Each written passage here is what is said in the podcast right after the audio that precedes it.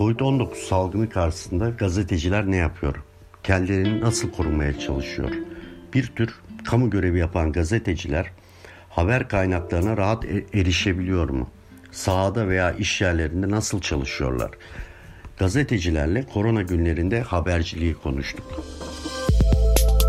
Bizi Kısa Dalga Net ve podcast platformlarından dinleyebilirsiniz. Size üzücü ama korkutucu olmayan haberi bildirmek istiyorum. Bugün akşam akşam saatlerinde koronavirüs şüphesi olan bir vatandaşımızın test sonucu pozitif çıktı. Tanı yüksek ateş ve öksürük şikayetinin sebebinin araştırılması sonucu konmuştur. Hastanın virüsü Avrupa teması üzerinden aldığı bilinmektedir.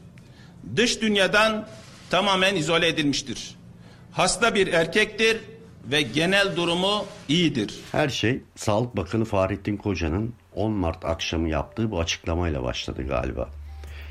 Yeni yönetim sistemi nedeniyle aslında birçok bakanın adını çoğu kişi bilmiyordu. Ama bu açıklamayla birlikte akşamları kameraların karşısına geçen Sağlık Bakanı Fahrettin Koca birdenbire Türkiye'nin en popüler figürlerinden biri haline geldi.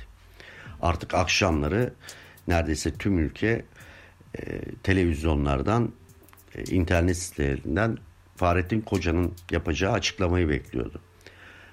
Gazeteciler de salgın sırasında risk altında çalışmak zorunda olanlardan. Bugünlerde gazetecilik yapmanın nasıl bir şey olduğunu gazetecilerle konuşacağız.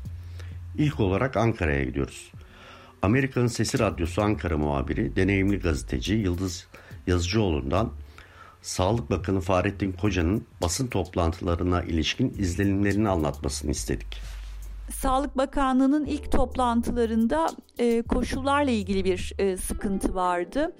Toplantılar 9. katta e, Sağlık Bakanı'nın makam katında bilim kuruluyla toplantı yaptığı küçük bir salonda gerçekleşiyordu. Ve o dönemde tüm kameralara da açık olduğu için e, özellikle kameraman meslektaşlarımızın çok sıkışık bir vaziyette salonda yer aldığı ve yine ne yazık ki toplantılara bence gerekli olmayan bir şekilde e, tüm bürokrasinin yani Sağlık Bakanlığı üst düzey bürokrasisinin de katılıp e, oturduğu bir görüntü vardı.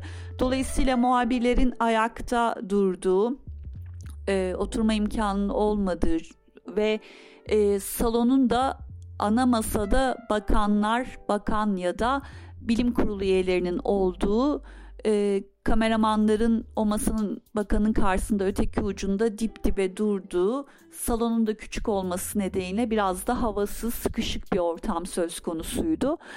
E, bu ortamla ilgili olarak e, meslektaşlarımızdan bazıları tabii hatta olmazsa bunun kapatılması sadece ajans aracılığıyla frekans verilmesi gibi önerilerde gündeme geldi. Ancak e, buna ben şahsen karşı çıktım. Benim gibi de karşı çıkan meslektaşlarımız oldu. Biz en başından beri Sağlık Bakanı'nın yapacağı toplantılarının e, basına açık kalması gerektiği görüşünü savunduk. E, orada tabii herkes sağlığı ile ilgili endişe ediyordu. E, kendisi hastalanmaktan herkes elbette korkuyor. Bu çok anlaşılabilir bir korku. Benzer bir korkuyu ben de taşıyorum, kaygıyı duyuyorum.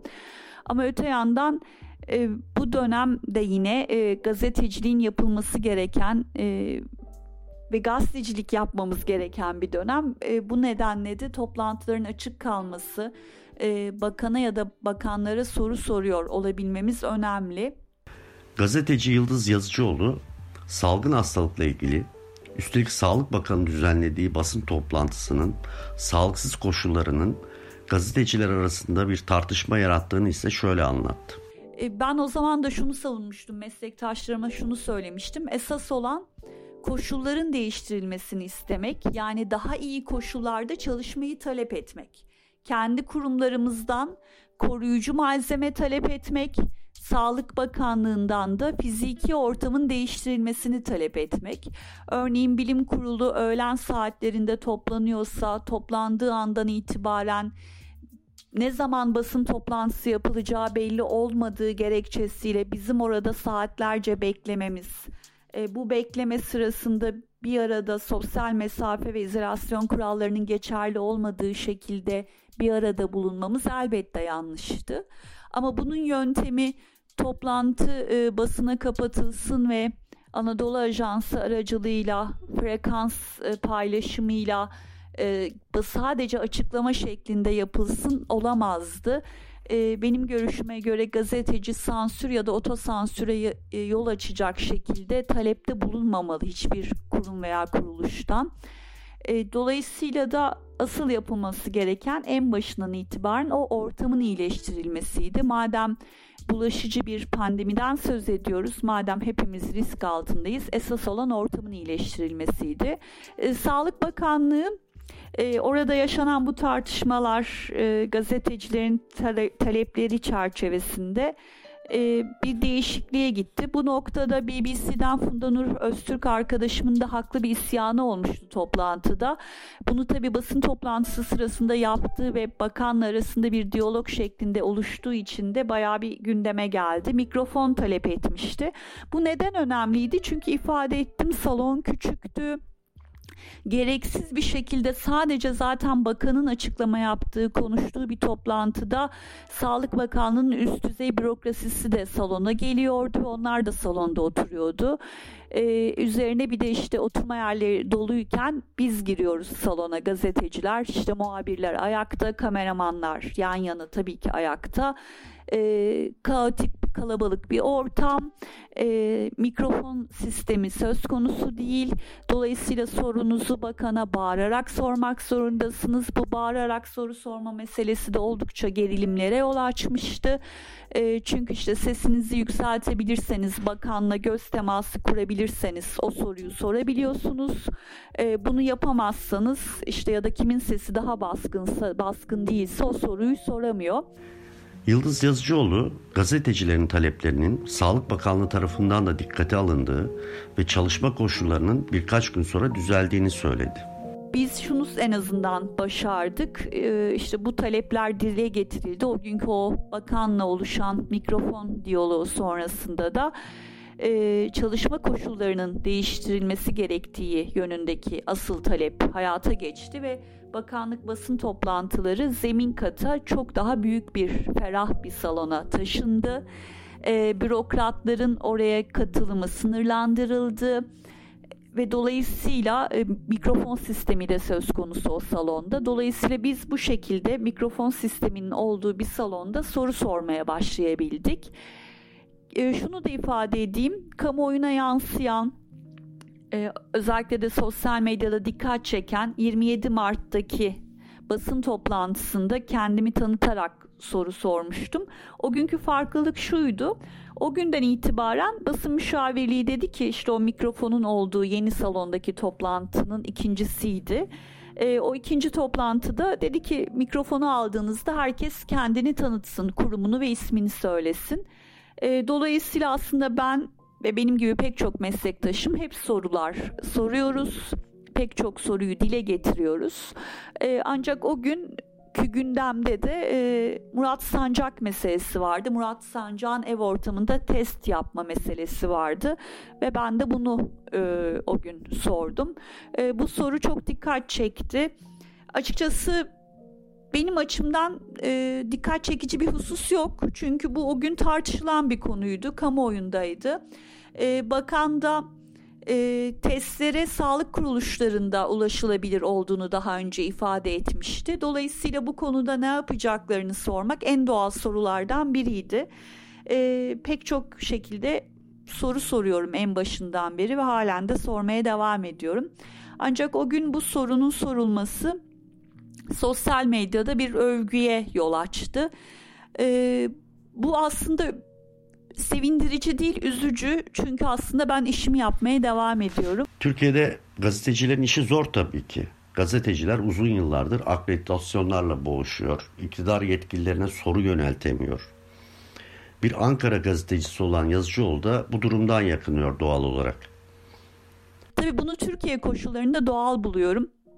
Anlaşılır buluyorum. Çünkü insanlar e, soru sorulmayan gittikçe bir ülke manzarasıyla karşı karşıya ve bu konuda bir takım engeller de var. Örneğin e, bizim kurumsal olarak BOA olarak Cumhurbaşkanlığı akreditasyonumuz yok. BOA olarak Cumhurbaşkanlığı akredite edilmediğimiz için örneğin Cumhurbaşkanlığının toplantılarına ben katılamıyorum. Dolayısıyla orada soru soramıyorum.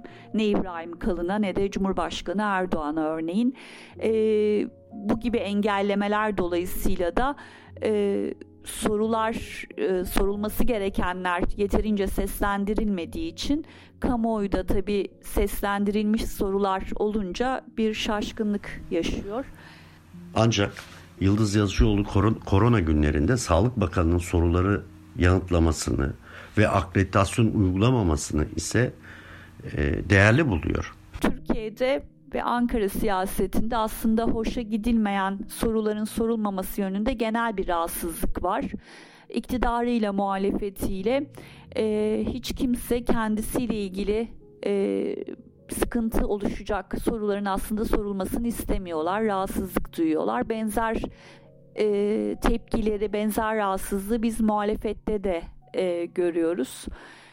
Bu noktada belki Fahrettin Koca'nın hala soruları yanıtlamaya devam ediyor oluşu ve bizimle ilgili toplantıya bir sınırlama getirmemesi e, bu anlamda herhalde e, takdir görüyor diye ifade edebilirim. Evet, Türkiye'de gazetecilik e, döne döne söylüyoruz. Zor ve riskli. Soru sormak da öyle. Bu riske salgın sırasında sağlık nedenleri de eklendi. Yine Ankara'dan bir gazeteci, Gazete Duvar'ın Ankara temsilcisi Nergis Demirkaya, korona günlerinde nasıl gazetecilik yaptığını kısa dalgaya şöyle anlattı. Koronavirüs salgınında en riskli meslek grupları e, sıralansa herhalde gazeteciler ilk ona rahatlıkla e, girebilir. Ancak e, önlemler açısından baktığımızda e, bunu biz de e, gecikmeyle al, e, aldık önlemleri. Kurumlar da e, basın mensupları açısından gecikmeyle e, önlemler e, aldı, uygulamalar e, başlattı.